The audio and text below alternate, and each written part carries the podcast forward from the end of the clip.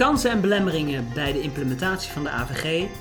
En hoe vul je je rol nu in als FG'er terwijl dat nog een hele nieuwe rol is? Mijn naam is Marius van Rijswijk. Welkom bij de VKA Privacy Podcast.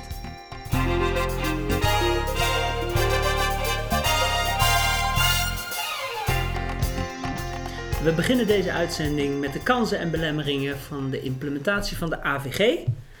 En we zijn daarvoor in gesprek met Marcella Speelmans. Welkom. Dankjewel. Um, ik zal mezelf even wat verder voorstellen. Ik werk bij Hallmark Continental Europe. Um, en ik ben binnen deze organisatie verantwoordelijk voor Information Security Governance. En binnen die rol ook verantwoordelijk voor het AVG-project. Nou, ik vind het wel leuk om eens te weten van wat was, was nou de reden of de aanleiding om met die AVG aan de slag te gaan? Nou, dat was in eerste instantie uh, natuurlijk de vernielde wetgeving uh, die eraan zat te komen. En um, zijn um, een tijdje bezig geweest om dat uh, op de agenda te krijgen bij ons senior management team. Um, omdat er natuurlijk vanuit het veld en vanuit de media erg veel aandacht was om, om daar mee aan de slag te gaan.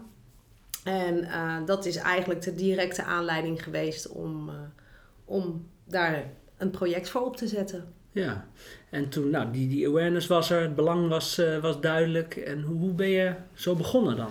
Hoe start je daarmee? Um, nou ja, de, he, de, ik, toen, toen deze um, uh, zaken vanuit de media zich allemaal aandienden, was ik uh, nog niet verantwoordelijk voor de AVG binnen Hallmark. Eigenlijk hadden we daar niet echt een specifieke verantwoordelijke voor. Um, maar vanuit mijn rol toen de tijd als IT-manager is dat wel op mijn uh, bureau gekomen. En um, zijn wij uh, gaan zoeken, ook zelf, naar van uh, wat moeten we nou eigenlijk doen om te voldoen aan die wetgeving. En voor dat doel hebben we in eerste instantie een AVG Maturity Scan uit laten voeren. Dus een externe partij heeft ons onderzocht om te kijken in hoeverre wij eigenlijk al voldoen aan de wetgeving en waar de gaten zaten. Ja. Uh, op een wat hoger niveau. Mm -hmm. En uh, met dat stuk um, zijn we um, eigenlijk naar het senior management gegaan. En om aan te tonen van, uh, ja, er moet eigenlijk wel wat gaan ja. gebeuren. Ja. Want er was nog veel te doen. Er was, er was nog wel het een en ander te doen, zeker. Ja. ja. En toen ben je gestart naar aanleiding van die scan uh, met concrete actiepunten, denk ik? Um, nou ja, we hebben in eerste instantie hebben we nog wel wat effort gestoken om het hele senior management uh, uh, ook op de hoogte te brengen van mm. wat er nou precies gevraagd werd vanuit de AVG. Uh, je merkte dat het voor een aantal uh, toch nog een, een, iets wat verder, uh, verder ver van mijn bedshow was. Mm. dus we hebben wat um, awareness sessies gehad, ook met, een, met de externe partij, om, om, om het hele senior management op de hoogte te krijgen. Um, en vanuit uh, die awareness hebben we gezegd van nou, we willen dit serieus aan gaan pakken en we maken er echt een project van.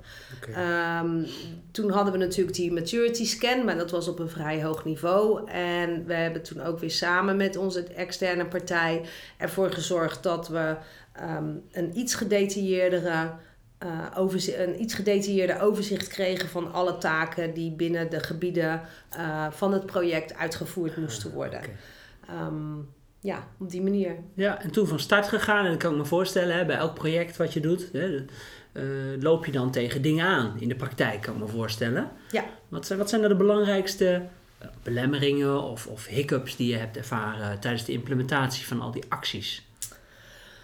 Um, nou, natuurlijk, uh, de, de, de, althans natuurlijk, ik weet niet of dat zo natuurlijk is, maar waar, wat ik me uh, voornamelijk herinner is dat ik uh, natuurlijk elke keer weer opnieuw uit moest leggen aan bijvoorbeeld ook dan weer de projectteamleden, wat het nou precies behelsde, die, die hele vernieuwde wetgeving, omdat daar toch ja, nog best wel onwetendheid in was of mhm. onduidelijkheid in was. Uh, dat vond ik, uh, ja, ik weet niet of dat nou een, echt een belemmering was, maar dat was in ieder geval wel een hobbel die we moesten nemen om het hele bedrijf uh, zover te krijgen dat we allemaal met de neuzen dezelfde kant op stonden en dat iedereen zich bewust was van het feit dat we hier iets te doen hadden. Ehm, het hielp uiteindelijk wel dat wij ook onderdeel zijn van een internationale organisatie. Wij zijn als Hallmark Continental Europe uh, onderdeel van Hallmark International en van Hallmark Global, Amerikaans moederbedrijf, um, waarbij ook eh, vanuit internal audit uh, er op een gegeven moment een, uh, een onderzoek heeft plaatsgevonden. En ook daar kwamen actiepunten uit. En ook dat hielp mee om zeker niet alleen de bewustwording, maar ook de noodzaak bij het senior management wel ehm, aan te kaarten van let op, hier moet mm. echt wel iets gebeuren. Mm. En dat cascadeert dan uiteindelijk natuurlijk ook naar beneden, zodat iedereen eigenlijk binnen het bedrijf.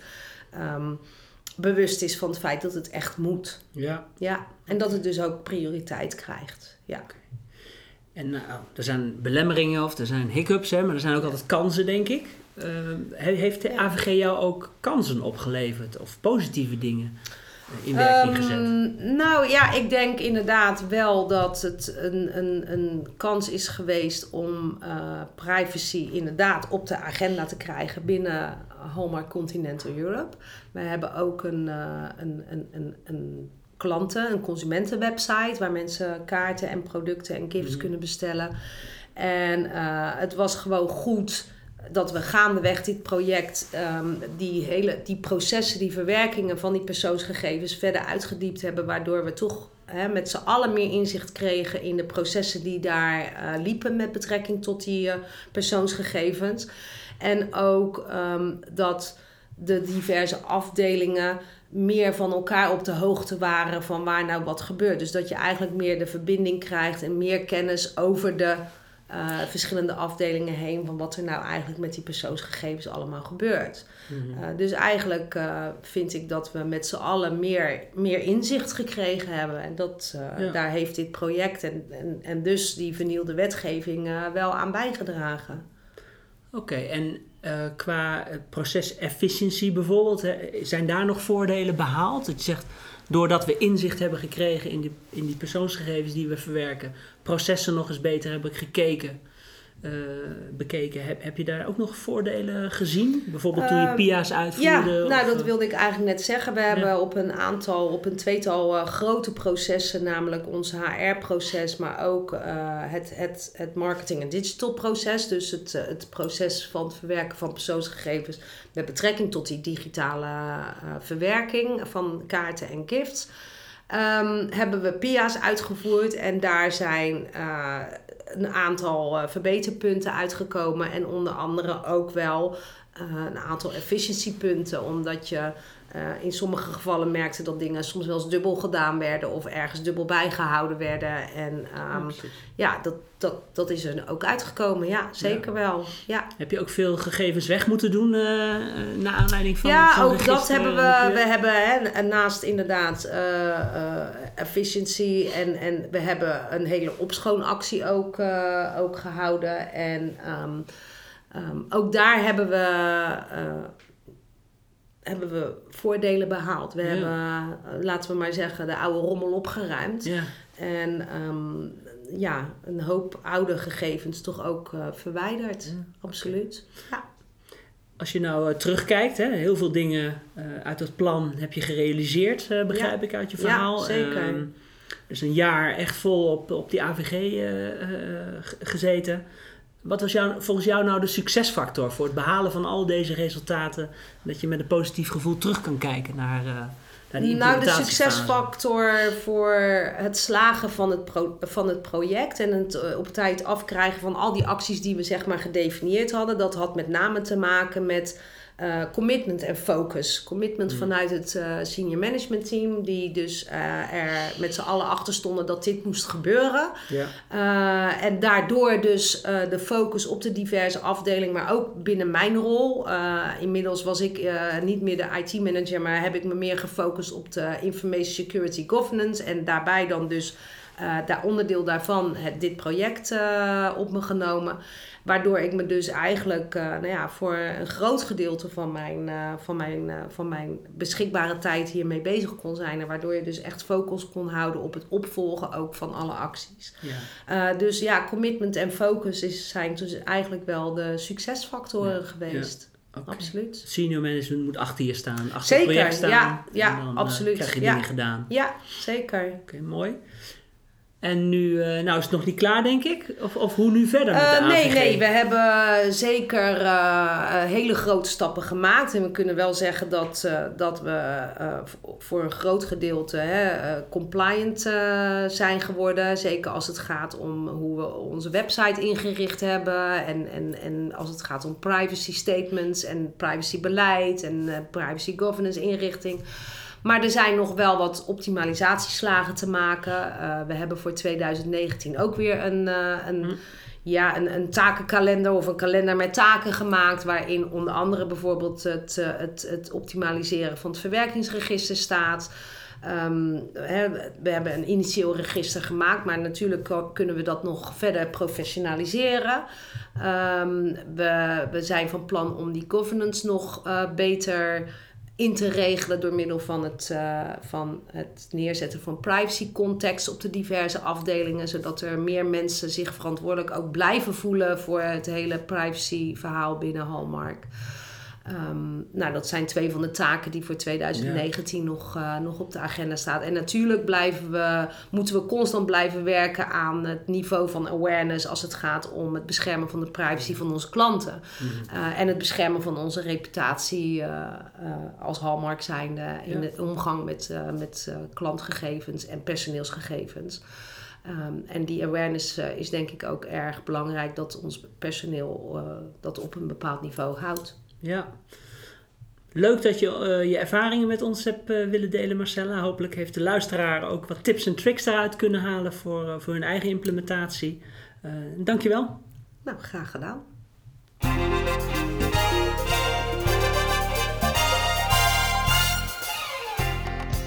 Ook in de uitzending is Jurgen Olree. Welkom Jurgen. Dankjewel. Ehm, ja, met jou vind ik het leuk om het te hebben over de rol van de FG'er Hè, terwijl dat eigenlijk een hele nieuwe functie is op dit moment. Maar misschien goed om je eerst even voor, uh, voor te stellen. Ja, uh, Jurgen Olre, Privacy en Security Adviseur bij Verdon Klooster Associates. Jij komt als consultant natuurlijk bij veel uh, verschillende bedrijven langs. Um, daar hebben ze een FG'er. Hoe, wat zie jij nou over hoe zij hun rol invullen op dit moment? Ja, wat ik met name heel veel zie is dat FG'ers worstelen met de balans tussen advies en toezicht. Je hebt vanuit de AVG voor beide een verantwoordelijkheid. En waar houdt nu advies op en waar begin je met toezicht?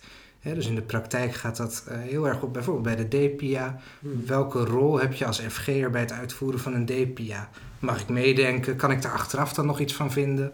Of, dat is de hele andere variant, moet ik hem aan het einde goedkeuren? Ben ik de man of vrouw die ja of nee moet zeggen? Ja, hoe ga je zelf, uh, want jij bent zelf ook FG'er, hè? Ja. Uh, hoe ga je zelf om met, met dat dilemma van advies versus toezichthouder? Ja, dat hangt een beetje af van hoe ver de organisatie staat. Hè? Hm. Uh, ik zie veel organisaties die nog heel erg aan het begin staan, waar nog heel veel moet gebeuren. tegelijkertijd weinig capaciteit op privacy. Ja, dan kan ik daar heel erg vanuit toezicht in gaan zitten, maar dan gebeurt daar niet zoveel. Hm. Dus dan zit je iets meer adviserend daarin. Um, terwijl ik ook bij organisaties rondloop waar bijvoorbeeld een privacy officer zit, die al wat verder zijn in hun, in hun management van privacy. Uh, daar zit je iets meer op de toezichtvariant. Dus ik zit daar niet heel zwart-wit in. Nee, dat, dat komt dus door die volwassenheid van die organisatie, nieuwe wetgeving. Exact. Je zegt van ja, om nu al heel strak dat toezichtkader uh, te hanteren en die rol, dan krijg je ook misschien weinig gedaan. Precies, ja, als er bijvoorbeeld nog geen beleid is, er zijn geen verwerkingsregisters, en dan kan ik gaan aangeven, het is er niet. Uh, op het moment dat er niemand is om eraan te werken of ze weten niet hoe ze dat moeten doen, dan kan ik die rode vlag blijven uithangen, maar dat gaat niet tot verandering leiden. Nee. He, dus ik probeer altijd wel na te denken, wat gaat nu echt tot een verandering voor de organisatie leiden. Ja, oké. Okay. En als je kijkt naar die, die toezichthoudende rol, hè, die kan ook best wel eens uh, streng moeten zijn ja. in bepaalde punten. Ja. Uh, hoe zorg je er toch voor dat je een constructieve gesprekspartner blijft op bestuursniveau of op managementniveau?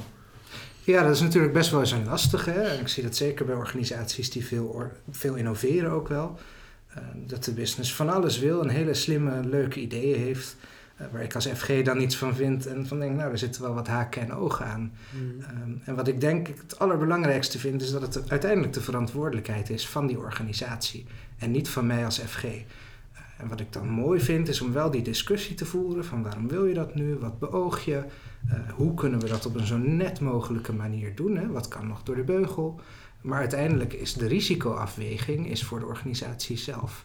En als daar een goede risicoafweging achter zit, daar gaat het mij uiteindelijk om. Ja, ja oké. En als je kijkt naar andere FG'ers in, in vergelijkbare rollen, zie je dan Ja. eigenlijk dat die met diezelfde dilemma's spelen? Eh, of zijn er nog andere dingen waar een FG'er, met, omdat het een nieuwe rol is, nu tegenaan loopt? Ehm, ja, iets anders wat ik ook wel zie is waar zitten nu je ogen en oren in de organisatie. Hè? Ehm, doordat je als toezichthouder gezien wordt, soms zelfs als vooruitgeschoven post van de AP. Hoe ben je nu op tijd aangehaakt bij allerlei nieuwe ontwikkelingen? Hoe weet je nu wat er echt speelt? Het is soms gewoon te groot om alleen te overzien. Ja. En, en de, je hebt het in de eh, compliance wereld heb je het gezien. Hè? De compliance officer die was aanvankelijk ook echt een juridisch georiënteerde rol was dat. Hè? Nou, tien jaar later zien we het is een spin in het web Ja. geworden. Hij moet Ja. verstand hebben van awareness. Hij moet eh, eh, goed communicatieve vaardigheden hebben, want hij moet mensen met elkaar verbinden. Zie je dat nu ook al in die FG-rol? Of denk jij van nou, dat, daar moet het naartoe groeien, maar dat gaat nog wel even duren? Ja, het zou heel mooi zijn als het die kant opgaat. Hè? Maar aan de andere kant zie je dat het bij compliance ook wel even geduurd heeft voordat het op die manier ontwikkeld was. Ik zie nog niet dat het zo ver is op dit moment. Nee. Nee. Oké, dus dat ko- kost nog een aantal jaar voordat we die, ook die volwassenheid in die functie eigenlijk bereiken dan. Als ik je, Ja, daar moet ervaring in worden opgedaan. En eh, het sleutelwoord lijkt me evalueer wat je doet. ja, Kijk als FG ook kritisch naar jezelf en werkt het nu zoals we nu doen. ja oké. En hoe hou je dan toch die verbinding nu al in jouw rol met, met die organisatie, met de mensen in de organisatie? Door daar niet te zwart-wit in te zitten als de persoon die ja of nee zegt. En Hmm. meedenken, probeer echt te begrijpen waarom ze bepaalde afwegingen maken. En houd daar wel kritisch de spiegel voor. Mhm. Maar ben niet de persoon die alles afkeurt. Ja, oké. Heb je soms wel eens in je rol van FG'er het gevoel dat je op een eiland staat? Dat je er alleen voor staat? Of speelt het helemaal niet? Uh, nou, ik zelf als FG'er valt wel mee. Ik heb gelukkig veel collega's waar ik ook mee van gedachten kan wisselen. Wat ik wel zie bij FG'ers is dat ze soms zoeken naar een klankbord. En dat dat heel lastig is om binnen de organisatie ook kwetsbaar op te stellen. Van, Ik weet even niet wat ik hiermee moet, hoe ga ik hiermee om? Met wie kun je dat klankborden weten dat je ook de toezichthouder bent? Ja, omdat, dat, omdat het je kwetsbaar opstellen, daar Ja. bedoel je ook mee van welke informatie kan ik delen. Ik zit met dilemma's, maar die kan ik niet bespreken, want Ja. dan zeg ik wat over. En kan ik, eh, hoe ga ik met een directeur in overleg over iets wat ik lastig vind, terwijl ik later tegen die directeur misschien weer. Moet zeggen, joh, dat is niet zo verstandig waar je mee bezig bent. Ja, Daar lopen veel FG'ers die ik spreek wel tegenaan. oké. En die zoeken die elkaar ook op om, eh, om in dat verband misschien met elkaar een intervisie te doen? Of zou dat help, voor hun helpen, denk je? Of? Ik denk dat het zeker helpt. Ik denk dat er ook een behoefte aan is. Ehm, ik zie ze elkaar nog beperkt opzoeken. Ze vinden dat wel spannend. Ze voelen daar wel een drempel. Maar Jurgen, als ik dit zo allemaal hoor, dan komt bij mij een beetje het idee op van... moeten we niet naar een platform toe voor, voor FG'ers? Of iets om... Nou ja, Ja, ik denk dat het heel zinvol kan zijn. Eh, het lijkt me ook een hele mooie oproep naar de FG's die deze podcast beluisteren of die wel kennen. Ik denk dat het heel interessant is om die met elkaar in contact te brengen en daar de discussie te voeren. Want wat je toch veel ziet is dat ze met vergelijkbare uitdagingen zitten. Eh, en wie kan een FG beter helpen dan een andere FG die daar al ervaring in heeft? ja. Ja. Nou ja, dat is een hele mooie eh, suggestie, denk ik. VK kan het mooi faciliteren. Eh Dank je wel, eh, Jurgen, voor de oproep. En eh, nou, aan alle FG'ers, eh, meld je aan bij ons. eh, en eh, eens kijken wat we kunnen organiseren. Mooi, dankjewel.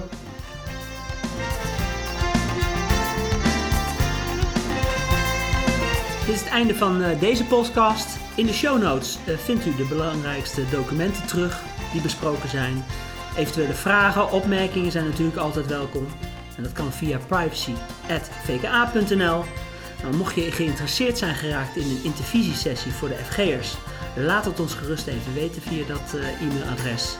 En deze podcast kunt u vinden op iTunes. En in maart zijn we natuurlijk weer terug voor de volgende eh, uitzending. Tot dan!